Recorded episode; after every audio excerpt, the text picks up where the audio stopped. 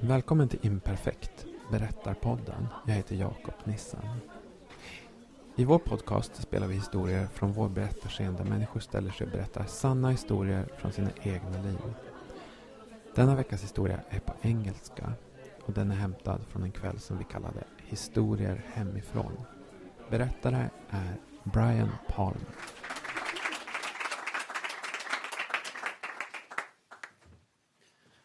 I, I, I want to talk about the, the play of, of chance and, and desire uh, in, in, in how our la- lives are, are, are, shaped. With, with, with mine as an example, I, I, I take the idea from a, a, a talk by a f- former teacher of mine, uh, Michael Herzfeld, who, who once gave a talk, uh, How I Got My Job and and it was the strange mix of of chances and and and and, and very deliberate efforts from his his side that that gave him a professorship at, at Harvard. Um, for me, the, the, the, the, story can begin when I was an undergraduate, and I was active in uh, Central America solidarity movements, anti apartheid struggles, uh, organized rallies, and, and, and, and I noticed that the people who got to speak at demonstrations were, were often professors that, that we invited in um, academics of, of, various levels to uh, lead teach-ins and, and uh, address protests. And I, I thought I'd really like to have that, that role one day. So, so I got a, a I decided to pursue a PhD in order to be able to speak at rallies. and some of you may be thinking that's that's a, sort of a, a, roundabout way from from from from wish to to, to result, but it, it did it did work.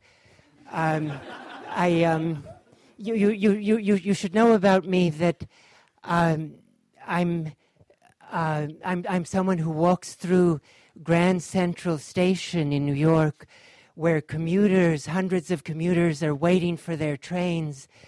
Uh, and, and I'm tempted to, to call out, uh, hey, hey, people, while, while you're waiting, uh, do, you, do you have time to listen to a few jokes? Could I, could, could, could, could, I give you my reflections on, on ISIS or, or, or, or on Donald Trump?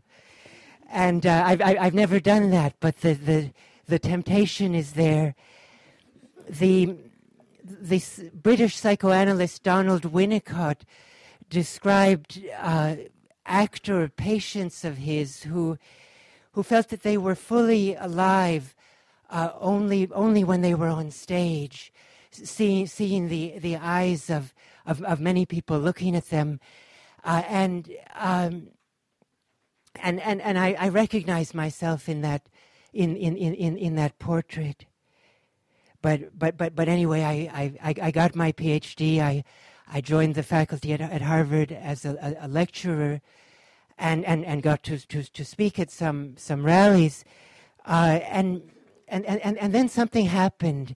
Fifty Harvard students filled their backpacks with food and water and extra batteries for their cell phones, and ran into the Harvard rector's office. And they declared that they wouldn't leave until Harvard, the world's richest university by far, pays an adequate wage, a living wage, to the people who mop the floors and cook the potatoes and, and clean up in the laboratories. Harvard had been blocking unionization drives uh, and paying the workers so little that some of these full time workers lived at shelters at night the um, the university's president called an emerg- uh, rector, we, we say president in the U.S., uh, the university's rector called an emergency meeting with all the teachers to discuss the situation. And dur- during the house occupation of his office, uh, and, and, and I was there, and the, the, the meeting was focusing on the question of whether raising the wages of these least paid workers would in some way distort the price equilibrium for labor uh, in the Boston Cambridge area. And, and I felt this wasn't the real question we had to decide at that meeting.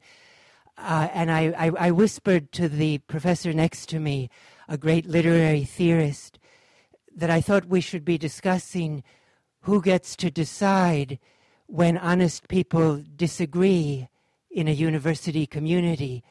Is it, is it the rector who decides or uh, the larger community? And I, I thought maybe she could raise that point in the meeting. She said, "No, you you, you raise it. Uh, get on get on the the, the, the, the line of people to speak." And, and so I did, and soon it was my turn. And, and I, I asked these questions to the rector about who should decide and, and, and, and why, a series of questions. And next to him was the dean, my boss's boss, whose face got redder and redder with each question that I posed. And I, I, I, I realized maybe I was doing something valuable for uh, perhaps the, the first time in my life.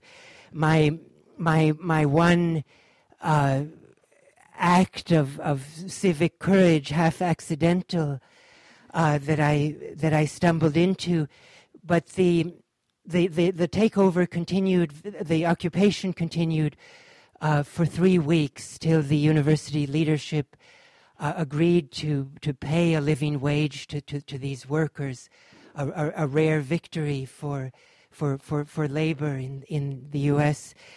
And there were many students who felt that they had learned more during the occupation than during the rest of their Harvard educations and some who asked if I couldn't create a course about what they had done, to, to take risks for others, um, to, to show what we in Sweden would call civic courage. I, said I would be glad to try. I, I, I chose a name for the course that was sufficiently grandiose for Harvard and for my own ego. Uh, it, it would be called personal choice and global transformation. And I, I, I wanted to have a lot of, of, of students. So um, in the beginning of, of, of September, there is a fair for uh, all students to learn about uh, activities on campus. And I, I, I, stood at the entrance handing out flyers about this course, Personal Choice and Global Transformation. And, and, and students took the flyers, and, and many of them thought it sounded interested, interesting. Uh, and, and some of them asked me, you know, th- this course sounds good. Uh, do you know anything about the professor? And I said, well, it's, it's, it's me, actually. Uh, and, and they were astonished that, that a, a, a, teacher would stoop to that level of uh, give, giving, giving out uh, handbills uh, for, for his own course. But um, then the, the, the, the, course was, was about to begin. Um, it, um, it, it was um, going to begin on the 12th of September 2001. Uh, and on the 11th of September, I was going to a meeting when I heard a construction worker say to another on the street, A plane has just flown into the World Trade Center. And the, the second construction worker said, Yeah, right, you're, you're going to get me to believe that. That's a great joke. And that was, that was my reaction too. And then I arrived at my meeting, and everyone was listening to a radio on the table about the first and then the second plane flying into the World Trade Center. The university rector decided that classes would go on normally the next day, and there was a, a, a line of students outside the auditorium where I would be uh, who, who couldn't get in because there was no more room. The, the it, it appeared that many students felt that a a course on uh, how, how, how to, to, to do some good in a troubled world was was exactly what they needed at that historical moment.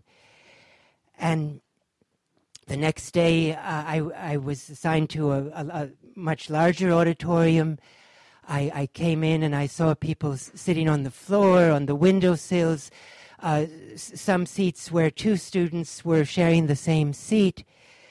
Uh, and and it, it, it, it was a, a, a, thrilling feeling, one of the best academic moments of my life that, that, that so many people wanted to, to, to be there. Friends say that my ego has never recovered from that week, and, and, and they're right. Um, and um, eventually, the, the, the, course had more than 600 students, and with the, the thought that the average course at, at, Harv- at wealthy Harvard has 11 students, 600 was news. Um, Boston Magazine compared the course to the the the only course that was larger, the the required course in economics, and and and and, and wrote thus. I quote: If Harvard's most popular course, Economics 10, prepares econ majors to become employee axing environment wrecking chief executives. Its, its second most popular course goes the other way leading its students toward St. Francis style sainthood.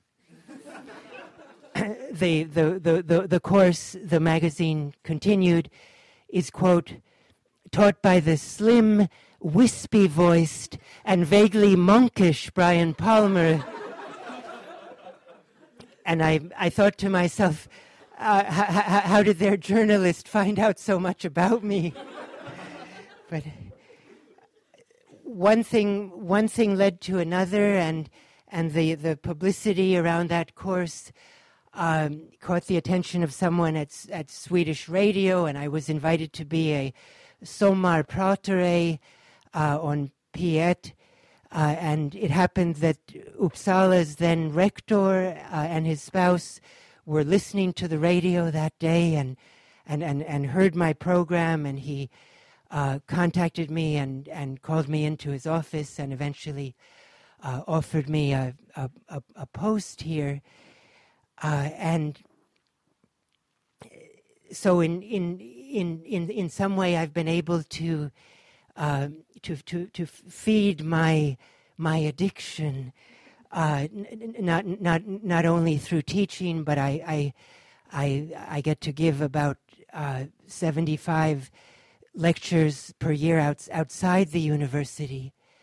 Uh, so, so, so uh, a, a, a, a, lot of drugs. But um, the, the, the, the thing is that um, uh, Donald Winnicott, the, the psychoanalyst I mentioned, he, he, he, he, he described how these, these actors, um, between their, their performances, uh, fell into a state of, of, of melancholy uh, until, until, the, until the next performance. And I, and, I, and I recognize that too. So I thought to leave you with, with some, some hopeful words from, from Sigmund Freud, since, since many of you are, are psychology uh, scholars. Um, and, and, and here I'm paraphrasing but but Freud wrote that um, it is it is through work and love, it is through work and love that that we human beings are able to transform crushing psychological contradictions into ordinary unhappiness. Thank you.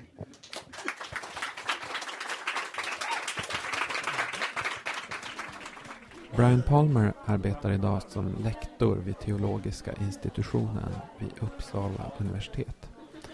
2002 erhöll han pris som Harvards bästa lärare. Och vill du se och höra mer av och om Brian, gå in på brianpalmer.org.